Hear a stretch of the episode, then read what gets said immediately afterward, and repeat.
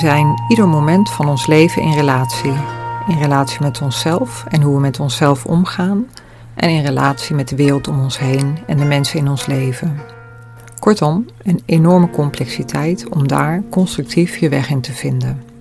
In deze podcast neemt deze boeddhist je mee op een zoektocht naar resonantie in de wereld.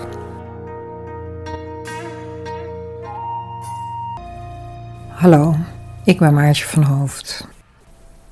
Deze aflevering van de podcast gaat over holding space of omhullende ruimte. Holding space is een manier van zijn in de wereld, een toestand waarin je openheid en verbinding kan ervaren. Ik gebruik zelf de uitdrukking gedragen ruimte, omdat in mijn ervaring gronding en contact met je lijf een essentieel onderdeel zijn. Holding space is op dit moment heel populair, veel gebruikte uitdrukking die op veel plekken tegenkomt. Maar wat is het en hoe kom je daar? Heather Platt is een Canadese die als een van de eerste deze uitdrukking gebruikte en ook gedefinieerd heeft.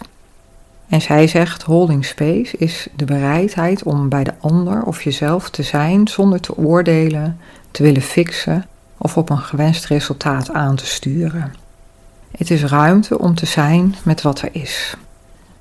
Het gaat daarbij dus over open aandachtsruimte, open aandacht en ook neutrale, milde, constructieve aandacht.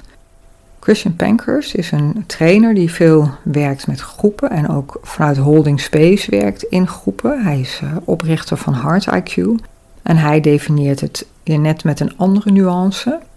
Hij noemt holding space de training die iemand moet doen om helemaal aanwezig, belichaamd en ontspannen te kunnen zijn op het moment dat zij hun volle aandacht aan iemand anders geven. Dus het is een toestand die je zelf creëert en die je meeneemt in je contact met anderen of in de aandacht die je aan anderen geeft. Als start van deze podcast wil ik je meenemen eigenlijk naar een lichamelijke ervaring of naar een ervaring waarin het begrip van ruimte of omhullende ruimte benadrukt wordt. Dus waarin we eigenlijk werken vanuit de ruimtelijkheid en iets minder instarten vanuit die andere aspecten. Dus de open aandacht, de belichaming, uh, zachte aandacht, maar veel meer het ruimtelijke aspect meenemen. Dus je komt staan, ontspannen staande houding. Je laat je armen ontspannen, schouders ontspannen, schouders rusten als ware op de flank, op de romp. Handpalmen wijzen naar je bovenbenen. En handpalmen zijn heel fijne punten om van daaruit je aandacht te richten. Dus vanuit je handen kun je heel makkelijk je aandacht meenemen. Dus natuurlijk focuspunt ook voor je aandacht. Dus zometeen gaan we bewegen en richt je je aandacht op je handen. Dus op het moment dat je uitademt, draai je je handpalmen naar achter. Doet een stapje op je rechtervoet naar achter, komt op je rechtervoet en je armen en handen bewegen verder achter je. Te inadem kom je terug, armen hangen weer langs het lichaam, handpalmen naar de bovenbenen. Doe hetzelfde met je linkervoet, stap je op links naar achter, handpalmen wijzen naar achter en je armen gaan mee naar achter, achter het lichaam en dan weer terug. Dus wat je doet is eigenlijk een beweging maken met je armen en met je lichaam naar achter. En die beweging van je handen, handpalmen naar achter, neemt je aandacht mee achter het lichaam. En op de inadem kom je dan weer terug. Deze beweging gaan we herhalen. Op de uitadem stap je op rechts, armen mee naar achter, handpalmen wijzen naar achter. Inadem weer terug. Dan stap je op je linkervoet naar achter. Armen mee naar achter, handen mee naar achter en weer terug. Dan stap je op je rechtervoet naar achter, handpalmen wijzen naar achter, armen mee naar achter. En je stapt weer terug. Herhaal dit nog een paar keer.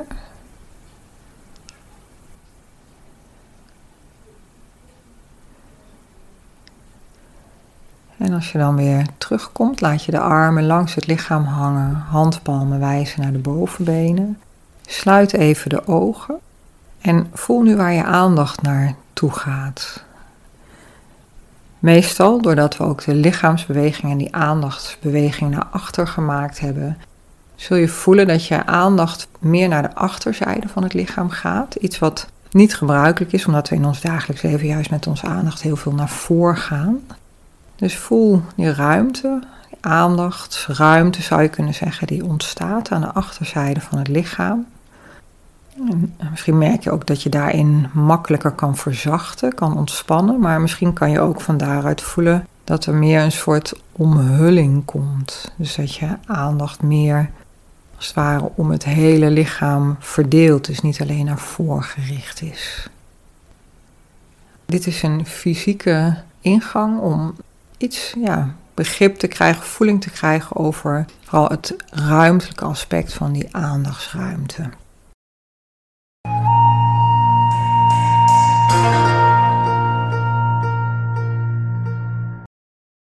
Iedere cultuur heeft zo zijn eigen karakteristieken. En ik heb een paar jaar in het buitenland gewoond. En als je in het buitenland verblijft, dan kan je wat duidelijker de eigenaardigheden van de Nederlandse cultuur zien.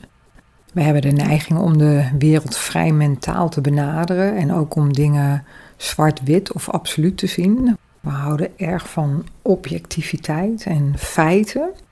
Ik heb een paar jaar in Italië gewoond en gewerkt en ben ook verschillende keren in India geweest. En wat je ziet in deze culturen is dat mensen over het algemeen veel meer op hun gemak zijn met emoties, maar ook ja, met de algehele rommeligheid van het leven. Dus het hoeft allemaal niet zo strak te zijn. En is het nou dit of is het nou dat? Nou, het kan het ook wel allebei zijn. Dus het is een hele andere benadering van de dingen. Nou, en als generalisatie kan je zeggen dat Nederlanders hier wat minder op hun gemak mee zijn. Je merkt vaak dat Nederlanders op het moment dat ze emoties ervaren, ze het gevoel hebben dat ze hier iets mee moeten doen. Ze moeten het loslaten of een plek geven of fixen. Maar vaak vanuit niet helemaal acceptatie, maar het idee dat er ja, iets mee moet gebeuren, dat het beter gemaakt moet worden.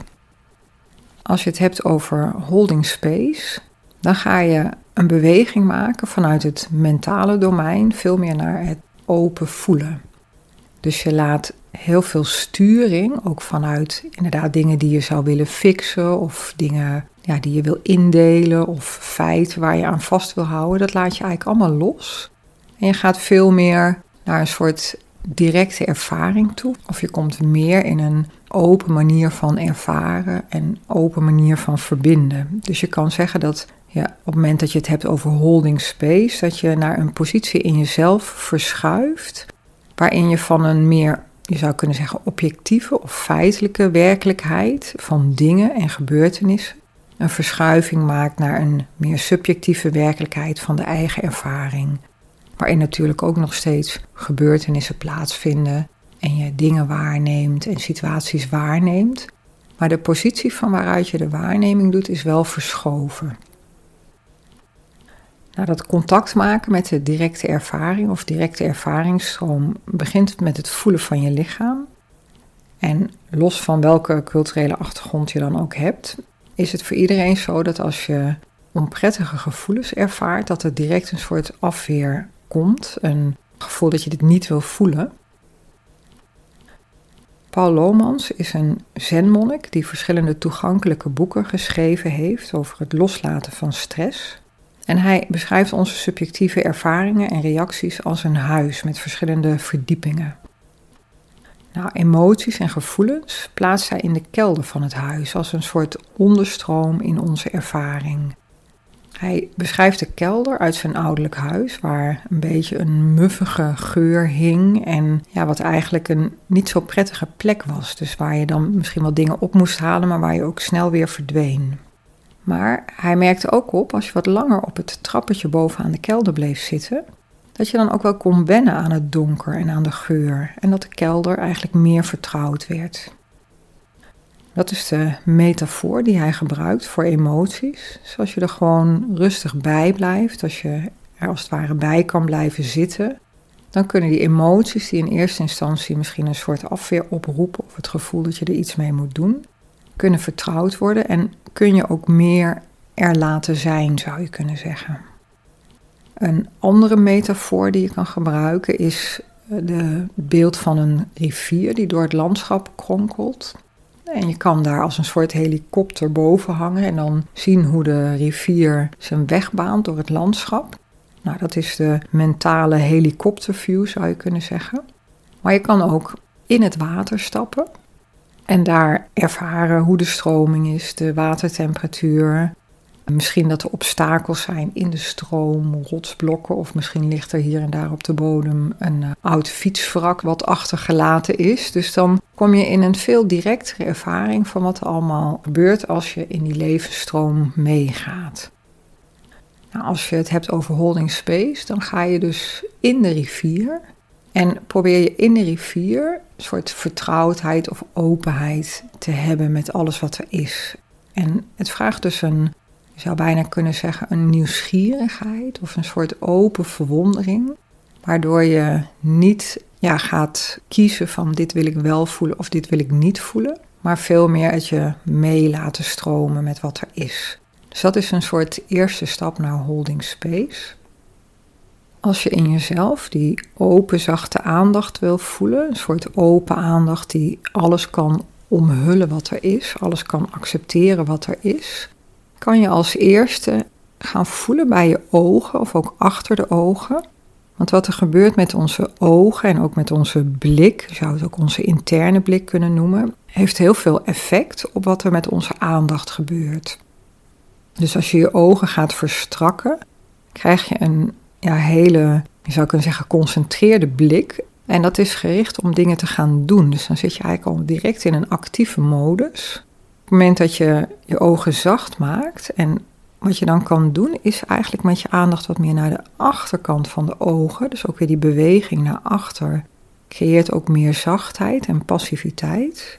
Ga je naar de achterkant van de ogen en probeer je te voelen dat er een soort zachte ruimte achter de ogen is. En wat je dan merkt is dat je aandacht direct ook mee verzacht, soort tastend wordt. Je kan het ook voorstellen dat als je vanuit deze zachte blik gaat voelen, met je aandacht naar binnen gaat, dat het meer een soort verwondering is of een soort nieuwsgierigheid naar wat je voelt en veel minder een oordeel of een richting of een actie die je wilt ondernemen. Dus je gaat minder sturing geven en je gaat meer volgen.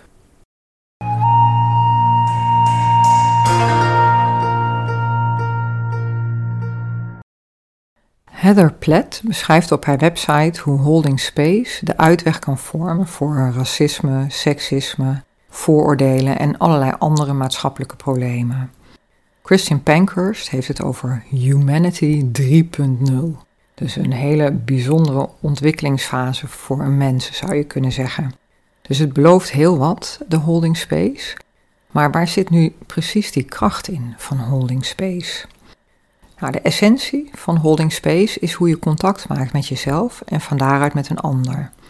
We hebben over het algemeen het idee dat als je contact maakt met jezelf of met iemand anders, dat je van daaruit iets moet doen. We denken dat er alleen maar iets gebeurt als we iets doen. Vandaar dat we vaak willen fixen of oplossingen aandragen of sturen op wat er in onszelf gebeurt of bij een ander gebeurt. Maar holding space is een soort van zijn met wat er is, waardoor er ruimte komt om iets te laten gebeuren, een soort organische beweging van binnenuit. Een voorbeeld daarvan is als je in gesprek bent met iemand die ergens mee zit of die een probleem heeft. Ik heb het daar ook over gehad met mensen in mijn opleiding die op het moment dat ze dan in gesprek zijn met iemand die uh, tegen een probleem aanloopt, of iemand die verdrietig is, of op een andere manier ergens mee zit, dat ze altijd het gevoel hebben dat ze moeten helpen. Of als je positief aanwezig wil zijn, dat je dan mee moet helpen om het op te lossen. Terwijl eigenlijk op het moment dat je in een soort neutrale aandacht blijft, in contact met jezelf en eigenlijk vanuit, je zou eerder kunnen zeggen, een soort open nieuwsgierigheid beluistert. En niet alleen maar letterlijk hoort wat iemand zegt, maar ook wat meer voelt hoe jij je voelt, maar ook hoe je de ander voelt. Dat die aanwezigheid ontzettend helpend is. Dus dat je niks hoeft te doen, maar dat je er vooral moet zijn. Nou, niet iedereen kon dat helemaal geloven, maar een van mijn cursisten op de opleiding zei: Nou, ik heb het deze week uitgeprobeerd bij een gesprek met mijn zus en nog met iemand anders. En het rare was, ik heb eigenlijk helemaal niks gedaan. Ik heb echt alleen maar open geluisterd. En ze waren zo blij nadat ze met mij dit gesprek gevoerd hadden of nadat ze met mij gesproken hadden. En dat snap ik eigenlijk niet, want ik heb helemaal niks gedaan. En daar zit een beetje de crux in. Dat het creëren van ruimte, dat daarin iets gebeurt. Dus niet iets wat wij doen, maar iets wat je kan laten gebeuren. Dus dat er een soort inderdaad organische beweging komt. Of op het moment dat je tegen iemand praat die open luistert. Dat dingen helderder kunnen worden. Dat het beter een plek kan krijgen. Dat je meer inzicht krijgt. Of dat je ook meer ja, rust kan vinden in wat er is. Dus er kunnen allerlei dingen gebeuren op het moment dat die open aanwezigheid er is. Een ander voorbeeld, ook van iemand in mijn yogaopleiding. Dat vond ik zelf heel mooi, dat raakte mij ook. Want ik dacht echt, oh ja, dit is eigenlijk precies waar het over gaat. Het was een moment dat zij in de stad rondliep. Dat was nog voor de lockdown. Het was natuurlijk druk en er waren veel mensen in de stad en ze liep daar rond. En op een gegeven moment kreeg ze een ja, wat onprettig gevoel. Ze dacht, goh, er is iets aan de hand. Dus ze keek om zich heen. En ze zag iets verderop op een bankje een mevrouw zitten waarvan eigenlijk heel duidelijk was dat die zich echt niet goed voelde. Dus mijn cursiste ging gewoon naast haar zitten. Eigenlijk gewoon om er te zijn en ja, niet verder aandringen. God, wat is er? En uh, kan ik iets voor u doen of moet ik iets voor u doen? Maar ze ging daar gewoon rustig zitten. Bleef inderdaad in die open aandacht, open contact. En na niet al te lange tijd begon die vrouw tegen haar te praten en zei: Goh, het is zo fijn dat je hier naast me zit. Want ik merk dat ik nu rustig kan worden. Want ik wist eigenlijk even niet zo goed hoe ik thuis moest komen. Ik had een soort paniekaanval of een hyperventilatieaanval. En ik wist gewoon echt even niet hoe ik ja, mezelf weer bij elkaar kon krijgen. Maar nu je hier zo zit, merk ik dat ik eigenlijk als vanzelf weer een beetje kan landen. En dat ik ook nu weer goed thuis kan komen. En ja, mijn cursiste heeft eigenlijk alleen maar daar gezeten en was er gewoon. Nou, op het moment dat meerdere mensen in tweetallen of groepen op een dergelijke manier aanwezig zijn, ontstaat er een soort verhoogde aandacht. Dat is iets heel bijzonders. Dat is wat je in groepen kan merken. En in die verhoogde aandacht kan er nog meer gebeuren. En mensen kunnen versneld inzichten krijgen die voor hunzelf belangrijk en ook helpend zijn. Ik werk zelf met een groep mensen, wij noemen dat een wijsheidsgroep, waar we werken met verschillende technieken, onder andere Insight Dialogue, dat is interactieve meditatie. Maar binnen die technieken zou je kunnen zeggen, of die interventies, is het werkzame bestanddeel met name de verhoogde aandacht. Nou, dat leidt soms tot heel bijzondere inzichten en ervaringen. Maar wat dan bijzonder is, is dat mensen soms een hele belangrijke ervaring hebben of een heel belangrijk inzicht krijgen. En dan daarna toch vragen: wat uh, doen we nu eigenlijk? En uh, wat is hier eigenlijk het nut van?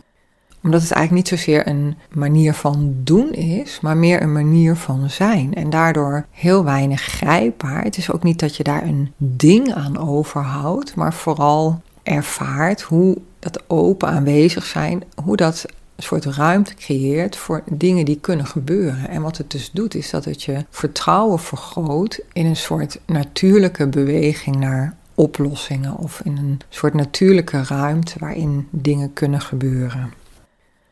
Holding space creëert ruimte voor diepe ontmoeting, maar ook om te voelen dat je geen speciale dingen nodig hebt om die diepere rijkdom te ontsluiten. Dus in die ervaringen die je hebt op het moment dat je met open aandacht met anderen bent, ervaar je ook een ja, verbinding, verdieping en echt ook een verrijking. Dus ook het gevoel dat die rijkdom toegankelijk is in jezelf. Dus iets wat je in jezelf kan ervaren. En op het moment dat trainers dan spreken over unieke programma's, revolutionaire technieken, dan krijg ik altijd een beetje jeuk, omdat holding space levert hele bijzondere ervaringen op, maar het is iets wat heel simpel is. Het is iets wat in de eenvoud van alle dag zit, in de eenvoud van het moment nu. En het is eigenlijk alleen maar de bereidheid om te zijn, nieuwsgierig te zijn, open, met een zekere verwondering.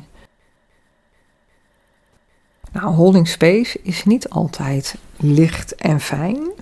Er zijn ook momenten als je vanuit die open aandacht in contact bent met een ander, dat je dan in contact bent met heel veel worsteling of heel veel verdriet of heel veel pijn of heel veel donkerte of zwaarte. En het is ook het vermogen om daar gewoon bij te kunnen zijn. Dus om ook dat niet te willen sussen of daar niet voor af te sluiten of daar niet voor weg te willen lopen. Ik wil deze podcast afsluiten met een korte meditatie. Deze wordt gebruikt door Edel Max. Het is een bekende mindfulness trainer en boeddhistisch leraar. Hij komt uit een stroming die de Mahakaruna Chan genoemd wordt, de zen van groot mededogen. En hij is Belg en hij begint deze meditatie met de zin: Ga eens goed zitten met waar je mee zit. Nou, deze zin, deze openingszin, geeft weer wat je doet in deze meditatie. Dus kom rustig zitten. Laat je blik wat ontspannen. Kan je ogen wat naar beneden draaien, schouders wat ontspannen. En dan ga je goed zitten met waar je mee zit. En in de metafoor van het huis, die we eerder gebruikt hebben, kan je je voorstellen dat in het huis allemaal verschillende kamers zijn, verschillende ervaringsgebieden. En als je zo zit, kan je al deze ervaringsinhoud of ervaringsgebieden accepteren voor wat ze zijn. Dus je zou kunnen zeggen, het mag er zijn, maar de realiteit is, is dat het er is. Dus je bent gewoon bij wat er is, wat er aanwezig is in de verschillende ervaringsgebieden in jouw huis, zou je kunnen zeggen. En dan kan je je ook voorstellen dat je boven aan het trappetje van de kelder gaat zitten. En daar rustig blijft zitten bij alles wat er te voelen is, aanwezig is in de kelder.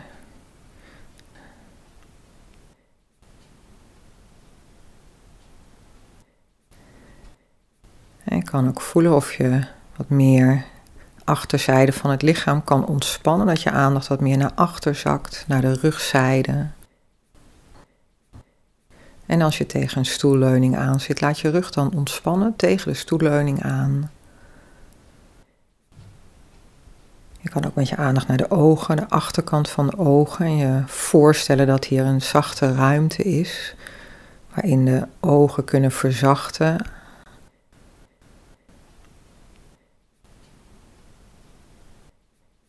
En dan blijf je zo zitten met wat er is.